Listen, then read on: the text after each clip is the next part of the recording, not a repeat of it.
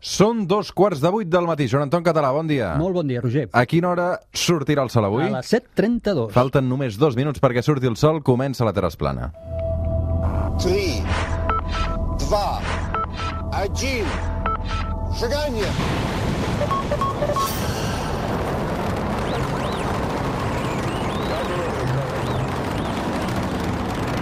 One small step for man. complete from the inside. Joan Anton, com anem? Molt bé. Roger. Com va la vida? Perfecte, perfecte. Ara ja ens passa això de que el sol ens torna a avançar. Sí, sí, ara ja anirem al darrere fins que tornem a canviar l'horari. Molt bé. Ciència, eh, bàsicament, mm, astronomia, aquesta hora al suplement cada diumenge a l'hora que surt el sol. Avui ho hem clavat a dos quarts, eh, aquests últims mesos, clar, anàvem enrere, ara anem cap endavant. Um, abans d'arrencar amb l'actualitat, eh, perquè avui, eh, abans amb el tema del dia, vull dir, avui anirem fins a l'Estació Espacial Internacional, que redimoni és, com de lluny està de la Terra. Allà és on, per cert, Pedro Duque hi va passar uns quants. Sí, dies. exacte, exacte. Una mena de vacances de 10 dies, crec. Sí, sí, exacte. Ah, el recuperarem la conversa amb Pedro Duque que fa també eh, de final de temporada passada per repassar què és aquesta Estació Espacial Internacional, però abans, què hem llegit aquesta setmana a les pàgines de, de ciència de, dels diaris? Doncs mira, diu que fa poc la primera nau Soyuz no tripulada que va trepitjar precisament aquesta Estació Espacial Internacional. Per què és tan important? Perquè ja eh, és la primera vegada que arriba una nau que s'acobla directament a l'Estació Internacional Espacial i que no va tripulada. A dir, fins ara eh, aquests acoblaments es fan de dues formes. O de forma manual, vol dir, hi ha un astronauta que guia la Soyuz i que eh, arriba i en un dels ports s'acobla a la i- i estació, o bé naus no tripulades, que són les que enviem quan hem d'enviar queviures, per exemple, però que es posen al costat i llavors el braç articulat de l'estació els atrapa i els porta. Però mai s'havia fet encara, i és la primera vegada, que una nau no tripulada, directament de forma automàtica, sense braç articulat ni res, s'a- s'acobla. I això és la, la qüestió que ha passat ara. D'acord, eh, no tripulada, no persones humanes, però qui ho pilotava? Què hi havia allà dins? De fet, era automàtic. El que passa que els, els russos, que com saps són els que operen la Soyuz, hi havien posat un robot, un humanoide, que l'estan provant. Bàsicament era un humanoide que no pilotava, eh? simplement el que tenia sensors i volien simplement pues, a començar a rebre inputs, a tenir dades de com es responia a aquesta maniobra automàtica i estan provant humanoides i per tant portaven un, un humanoide dintre uh, d'aquesta aeronau. Joan Anton, explica'm què és això de l'Estació Espacial Internacional, perquè, a veure, Val. um, tot Doncs- això que hi han anat a fer allà a la Soyuz, Sí. eh, Doncs mira, és un lloc d'assaig, és un local d'assaig? No, no, és de, és de, sí, és d'assaig, és d'experimentació i és de feina. Eh? Allà s'hi va fer feina. Tot i que després, si vols, et parlaré que hi ha algun turista que hi ha anat. Bàsicament, l'Estació Internacional Espacial és el laboratori que la humanitat té avui en dia a l'espai. A l'espai en òrbita baixa Mm. de la Terra. I allà és on anem a fer experiments. Com de lluny està de la Terra, aquesta? Clar, òrbita baixa està a 400 quilòmetres. I llavors, perquè ens fem una idea... no és gaire, això, no? No, gens. un perquè avió co- a quina distància vola? Un avió, no, un avió vola 10 quilòmetres. 10 quilòmetres. Però, però Ah, 400 no, però, però, quilòmetres... vull dir que puguis fer una idea. Clar, 400 quilòmetres posats en horitzontal, horitzontal és menys de la distància que separa Barcelona de Madrid. Per tant, aquests 400 quilòmetres posats en horitzontal no són res. I en canvi, en vertical ja és fora de l'atmosfera, ja és a l'espai. Què vol dir òrbita baixa? Precisament 400, 400 quilòmetres. quilòmetres, més o menys. Eh? Tenim en compte que, per exemple, els satèl·lits de comunicacions o els GPS són satèl·lits, els que utilitzem cada dia, són satèl·lits que van a 25.000 quilòmetres o a 30.000 quilòmetres. Aquest està a 400 quilòmetres, està aquí mateix. Es veu a ull nu? Sí, es veu a ull nu, només cal saber quan passarà per la teva vertical Uh, i no sempre es veu perquè clar, ell no va il·luminat per fora. La seva objectiu no és que el vegis, no porta fars que l'il·luminin, el veiem perquè reflecteix la llum del sol, per tant s'han de donar dues uh, coincidències perquè es pugui veure, una que passi per, dava, per sobre teu l'altra que si reflecteixi el sol en un angle tal que tu el puguis veure. Per això és molt freqüent. Hi ha aplicacions gratuïtes per internet, per dispositius mòbils, que et prediuen, en funció de la teva localització, et previuen el dia i el moment en què passarà l'Estació Internacional Espacial. Qui la va muntar? A veure, és un projecte conjunt. Fixa't que a l'espai estem fent coses que no hem sabut fer a la Terra. Eh? És com una segona oportunitat. Llavors, l'hem construït varis, diverses agències. Eh, la, la NASA, l'Agència Espacial Russa, l'Agència Espacial Europea, la japonesa i la canadenca. Tots ells s'han posat d'acord en proporcions diferents L'estat espanyol hi ha posat alguna a cosa? través de l'Agència Espacial Europea. Sí. L'Agència Espanyola- estaria integrada dintre l'Agència Espacial Per Europea. això hi va poder anar Pedro Duque? Exactament, exactament. Eh? Llavors, eh, tots aquests països, es van, o agències, millor dit, es van posar d'acord en proporcions diferents, cadascun és propietària de diferents parts de l'estació, però el treball és conjunt i tots ells han aportat mòduls perquè el, el, la construcció és modular va començar un mòdul, és com un mecano. Llavors, han anat, han anat posant-hi nous mòduls i han anat creixent Mm. i, i moltes dels mòduls han estat duts allà per cada una de les agències espacials. Com s'han transportat? Amb coets o...? Amb coets. Es transporten com si fossin els, els Apolos que enviàvem a la Lluna, però en lloc d'haver-hi una càpsula amb persones, hi ha un mòdul que queda orbitant. I llavors, clar, es necessita el treball manual d'algú eh, d'arquitectes, diríem, o de, que ensamblin això. I això, quan teníem els transbordadors espacials, els famosos shuttles Mm. americans, els, ho fèiem amb shuttles, és a dir, enviaven una missió de, de la llançadora espacial, del shuttle, que eh, ensamblava, els astronautes sortien fora amb passejades espacials i ensamblaven aquests mòduls. Eh? Això avui, eh, un cop les estacions, eh, els shuttles ja no hi són, s'ha fet amb Soyuz, ja es fa amb Soyuz, però es necessiten ensamblar. El que fem és, llancem, llançàvem, ara ja no creix més, eh? però llançàvem mòduls que quedaven en òrbita al voltant de l'estació que s'estava construint i llavors astronautes anaven i ensamblaven i així anaven construint i ha anat creixent. Aquesta estació ha anat creixent al llarg dels anys. Mm. Um, per què serveix? Val, llavors, eh, eh, estem fent molts experiments. Hi ha experiments que tenen a veure, per exemple, molt importants amb com afecta la mal anomenada ingravidesa, perquè no és ingravidesa, és manca de pes, com afecta la manca de pes a l'organisme humà. Per què? Perquè volem anar a Mart i perquè volem posar bases a l'espai. Llavors hem de saber quins efectes té sobre, no sé, la massa muscular o sobre la sang o sobre eh, la coordinació, no? Tot això. I això s'està experimentant en allà. Estem experimentant amb fàrmacs. Estem experimentant en la fabricació de mm, fàrmacs o de dispositius o de, de nanoelectrònica que requereixen condicions especials per fer fa- fabricats i això ho estem experimentant en allà. Quan els astronautes hi van, un any abans de que vagin, ja tenen definit dia a dia, hora a hora, què faran. Per tant, tots aquests experiments no estan improvisats, estan pensats amb un any d'antelació. De fet, mira el que ens explicava el Pedro Duque. Um, tot això passava en declaracions del suplement fa un parell de mesos. Vam anar a Madrid, coincidint amb el 50 aniversari de l'arribada de l'home a la Lluna. Vam parlar amb ell i precisament li han, parlar, um, li han preguntat per un dels seus moments més recordats de la seva vida, aquesta missió. Um, ara deu fer prop de 10-15 anys ja que se'n va anar cap a l'Estació Espacial Internacional abans de ser ministre. A mí 10 días se me hicieron muy cortos. Se pierde la noción del tiempo porque das una vuelta a la Tierra cada 90 minutos y eso hace que cada ponte 45 eh, sa- veas el sol, no ves el sol, ves el sol, no ves el sol. Por lo tanto, eso no es eh, no ayuda realmente a, a tener un ciclo normal y a, hay que mirarse el reloj, vamos. Clar, és impossible, uh, perds la noció del temps Totalment, completament. Totalment. Explica'ns això de per què cada 45 minuts Molt bé. veus el sol, perds el sol. Molt bé. L'òrbita baixa aquesta de 400 quilòmetres fa que cada 90 minuts, cada hora i mitja, l'estació espacial doni una òrbita completa a la Terra, una volta completa. Clar, 90 minuts, que és una hora i mitja, fa que cada 45 minuts es faci de dia o es faci de nit.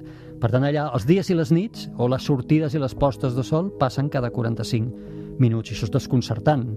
Llavors, el que sí que fan és fan mantenir la mateixa rutina de la Terra en els astronautes. Els marquen la mateixa rutina. Per tant, anar, hora d'anar- de llevar-se, no, no me la sé de memòria, les 6 del matí, doncs les 6 del matí, en independència de si hi ha sol, de si hi ha foscor o tal. Hora d'anar-se'n a dormir les 9 del vespre, les 9 del vespre. I els fan mantenir la mateixa rutina com mantindries en aquí. L'única cosa que mentre estàs allà treballant, eh, se't fa de nit i se't fa de dia cada 45 minuts, Mhm. perquè gires tan ràpid que, que això, que tens postes i sortides de sol cada 45 minuts. Com dormen, com mengen, com...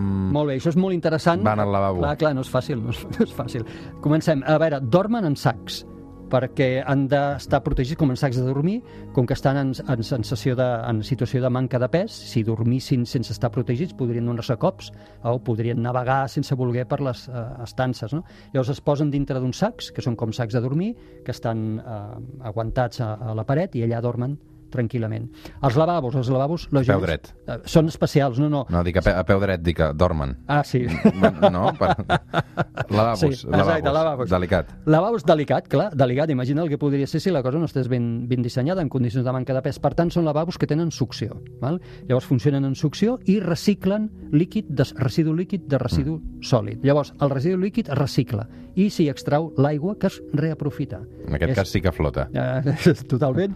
I el residu sòlid s'emmagatzema en bosses que després s'han d'eliminar. I com s'eliminen no només eh, els residus sòlids del lavabo, No sinó... els deixem per una porteta i... No, uf, quasi, però Sí? el que fe... Bueno, ara, ara no, ens, no, no els tornem a la Terra? Nord, no? Ah. perquè hi ha molt de residu que generem, llavors seria molt car també tornar-los, i aprofitem una cosa que és que, eh, com que hi hem d'enviar naus que porten queviures i porten material, porten tones de material, són naus no tripulades que hi enviem, que Sí. l'única missió que tenen és aquesta, i són naus, a més, que no tenen la capacitat de retornar a la Terra, perquè no estan preparats, no porten l'escut tèrmic i tal, llavors el que fan els astronautes és les quan ja les han descarregades, les carreguen de merda, amb perdó, els residus sòlids dels lavabos, eh, Sí, sí, tot- la tot- roba tota la merda, bruta, tota tot, la tot, merda. tot, tot, i envien aquesta nau de retorn a la Terra sabent que no pot retornar. I la nau es desintegra, cremant, incinerant tots aquests residus a la capa alta de l'atmosfera.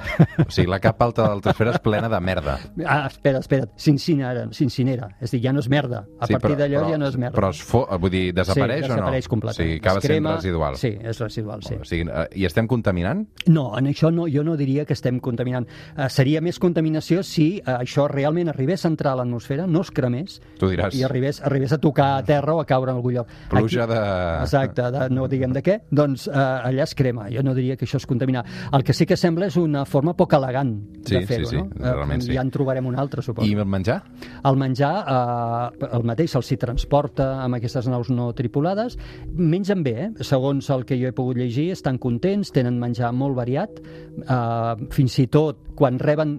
Clar, les tripulacions es van renovant i hi ha com una festa de benvinguda que una tripulació de tres persones li fa a la nau de tripulació de tres persones que venen i algunes vegades es cuinen pizzas, per exemple. Per tant, és una alimentació que està molt cuidada, evidentment està supercuidada, però no no es diferenciaria tampoc tant de la que podríem tenir aquí a baix. Quines conseqüències té per un astronauta anar 10 dies a una estació espacial internacional? A veure, 10 dies considero que, bueno, això ho hauria de dir el Duque, que poc, des del punt de vista de que no ha donat gaire temps perquè et passin coses. Però normalment els astronautes estan 6 mesos. Una missió normal a la, a l'estació internacional són uns 6 mesos. Hi ha gent que s'hi està més. Això sí que té efectes. Per exemple, massa muscular, el que et deia de la situació de manca de pes, eh, han de fer exercici continu, continuat, a més obligat, perquè si no la pèrdua de massa muscular és important. Tant que molts d'ells, fins i tot després de fer exercici, quan tornen tenen problemes al respirar. Aquí al pit noten la pressió de la nostra atmosfera i de la gravetat en el moment en què, en què agafen aire, en què inhalen aire. Pèrdua de massa òssea. Es produeix també pèrdua de massa òssea. Això també amb l'exercici, però també s'està experimentant amb fàrmacs. Uh, pèrdua, alguns problemes a la visió eh? sobretot en llargues estances a l'espai. No t'ho sé explicar, jo no sóc metge, però sí que hi ha eh, problemes eh, visuals que després es recupera. La, la bona notícia és que tot això es recupera un, to, un cop tornes a la Terra. Però el que sí que és més dur, o, o està semblant més dur que això, és els efectes psicològics de la tornada. Els efectes psicològics de la tornada és que mentre has estat allà, cada minut de la teva vida allà ha estat programat, com et deien un any d'antelació. Tu et lleves al matí i saps què has de fer. Tens uns, unes tasques que vas executant, dia, o, hora a hora, durant sis mesos. Quan tornes, no tens res a fer. Vacances. És vacances. I et sents, alguns d'ells se bueno, senten... és la crisi post... Correcte. I llavors tenen problemes d'adaptació en aquest retorn de sobte i no tens res a fer perquè t'han donat unes vacances llargues, no tens rutina, no tens... i et sents absolutament desconcertat. I algun d'ells ho ha arribat a passar sobretot en estances llargues d'un any o més, on ha arribat a passar malament durant uns mesos després. Som al Suplement, som a Catalunya Ràdio, avui amb el Joan Anton Català, recordant, vivint, explicant les peripècies de l'Estació Espacial Internacional. Tinc moltes preguntes, eh, Joan Anton? Per Va. exemple, per exemple, per exemple, um, d'on treuen l'energia, d'on treuen l'oxigen per respirar durant sis mesos allà dalt? Molt bé, mira, l'energia la treuen dels panells solars. L'estació porta panells solars que s'han anat eh, posant-hi en funció dels mòduls que s'han anat eh, aportant i genera la seva pròpia energia a partir de panells solars. A l'oxigen. A l'oxigen el genera també la pròpia estació espacial a partir de l'aigua. Recordem que l'aigua és químicament H2O, fan un procés que s'anomena l'electròlisi de l'aigua, dissocien aquesta aigua en hidrogen i oxigen. L'oxigen el reaprofiten per respirar i l'hidrogen, que és eh, perillós perquè eh, és explosiu, l'alliberen a l'espai. Per tant, l'oxigen també se'l fabriquen ells a partir de l'aigua. Uh, més preguntes. Com, quant de temps es triga a arribar-hi? Uh, hores, 3, Què 4 dius? hores. Sí, Bueno, sí, sí, sí, sí. Barcelona-Madrid, no? 3, 4 o 5 hores, una mica, no, no gaire més. Sí, es llencen des de Baikonur, des del Kazakhstan. Recordem que la Soyuz actualment és la única nau que pot pujar i baixar astronautes a l'Estació Espacial Internacional, la qual cosa posa especialment frenètic el nostre amic Donald Trump, que ha de pagar en els russos 80 milions de dòlars per cada bitllet d'astronauta que envia i per tant surten del, del Kazakhstan, de les bases que té l'agència espacial russa, russa en allà i triguen qüestió d'hores, molt poques hores en arribar a l'estació internacional. Quantes tripulacions hi han anat? Uh, uh, bé, les tripulacions no, no m'ho sé, però de persones hi han anat uns, uns quants centenars. Centenars de persones. Ara, ara Sí, mateix sí. hi tenim algú allà dalt? Sí, sí, sí. Ara no- sempre hi tenim, està permanentment habitada. Des de l'any 2000, que va arribar la primera tripulació, es va començar a construir el 1998. Doncs el 2000 ja hi portàvem tres persones. Des de llavors no ha faltat mai ningú en allà. Mira, i ara estic mirant les notes que tenim. Fins la data, 230 persones de 18 nacionalitats diferents, em puc descomptar de setmanes, eh, han passat per l'Estació Internacional Espacial. I normalment sempre hi ha entre 3 i 6 persones. Coincideix en 6 en el moment que arriba la nova tripulació, que substitueix a l'antiga i, i estan en allà unes hores, o, o suposo que alguns dies, per fer el traspàs. Quantes homes i quants dones? Eh, ens podem imaginar, la xifra no és gaire afortunada. Aquesta xifra no la tinc, l'he buscat, eh? I no la tinc. L'única cosa que sé és que en, en la proporció total de persones que han anat a l'espai, no només a l'estació internacional, estem en un 11% de dones. 11%. No, no, ja et dic, segurament amb l'estació hem recuperat d'aquest 11, eh? perquè aquest 11 té en compte el començament de la història de l'exploració espacial on la cosa estava molt malament. Eh? Uh, però no estem tampoc en situació òptima perquè fa poc va haver dures crítiques a la NASA perquè per primera vegada es anava a fer un passeig espacial de dos dones, i la primera vegada que dos dones anaven a sortir al mateix temps de l'estació espacial per treballar a fora, i van haver de cancel·lar aquesta missió perquè no tenien vestits espacials femenins preparats a l'estació internacional espacial i només podia sortir una de les dues dones. I això va generar unes crítiques duríssimes contra la NASA. Doncs déu nhi Escolta'm, Joan Anton, um, tu imagina't que ara jo tingués molts, molts, molts, molts diners, ja t'asseguro que no és el cas, Sí, um, i que sigués un fric important de l'espai, sí. um, però no tingués una formació destacada. Mm, aquí sí que ens ajustem una mica més al, a la realitat. Um, però tingués molts diners, tants diners que digués em vull pagar un bitllet per anar a l'Estació Espacial Internacional. Ho podria fer? Sí, si tinguessis molts diners ho podries fer. Ja hi ha companyies que ho comercialitzen, que el- només cal buscar per internet companyies que ho fan. Elon Musk hi ha estat? Elon Musk no hi ha estat, que jo sàpiga, no hi ha estat, però ell vol enviar gent, no a l'estació, ell vol enviar gent amb la seva nau. Uh, de fet, ja té, ja li han pagat, ja té el multimilionari japonès que li ha pagat el seu bitllet i vuit més bitllets, que El serà cotxe volador aquest que de té, no? artistes, sí, no seran un cotxe, seran una de les seves naus, però, per exemple, qui sí que hi ha anat és el, el fundador de, de Cirque du Soleil, per exemple, aquest s'ho va pagar Carai, tu. i, i va anar, Sí que dona el circ. Sí, exacte, deu donar bastant, perquè estem parlant que això deu costar uns 30 milions de, de dòlars, mm. anar-hi només. Més el que et costa a l'hotel d'esta- de ser-hi, eh? a l'hotel de l'habitació de la eh, estació espacial. Això anirà més, perquè és molt car de mantenir una estació d'aquestes Clar, tot coses. això qui ho paga? Ho paguen entre totes aquestes agències, a les parts proporcionals que toqui, que no sé quines són, m'imagino que la NASA i la ESA i l'Agència Espacial Russa deuen ser les que més han de, han de sufragar això. Això costa més de 3.000 milions de dòlars cada any de manteniment. 3.000 milions de, de dòlars cada any. És molt car. Des del 98 que es va construir, eh? Sí, sí, sí, imagina't si en fa d'anys. Llavors, han de, eh, hem d'enviar-hi, començar a enviar gent que pagui.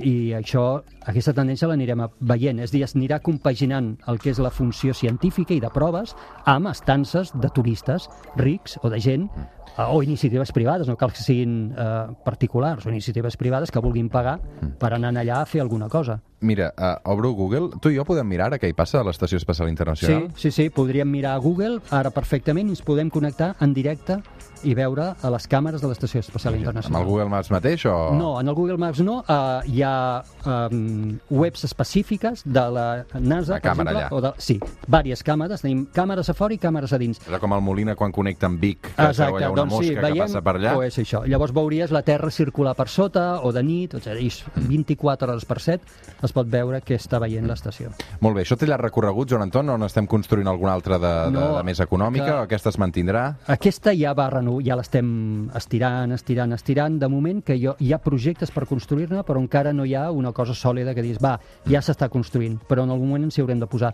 Mentre nosaltres estem pensant tot això, els xinesos van fent la seva, i ells sí que ja tenen plans de construir la seva pròpia, perquè ells van per lliure, i ells sí que eh, estan, eh, se suposa que l'any que ve, 2020, començaran a construir la seva pròpia estació espacial. Doncs calcem-nos. Exacte. Joan Anton, avui hem dedicat aquest capítol a l'Estació Espacial Internacional. Hem conegut, eh, entre altres coses, eh, què passa amb les deixalles.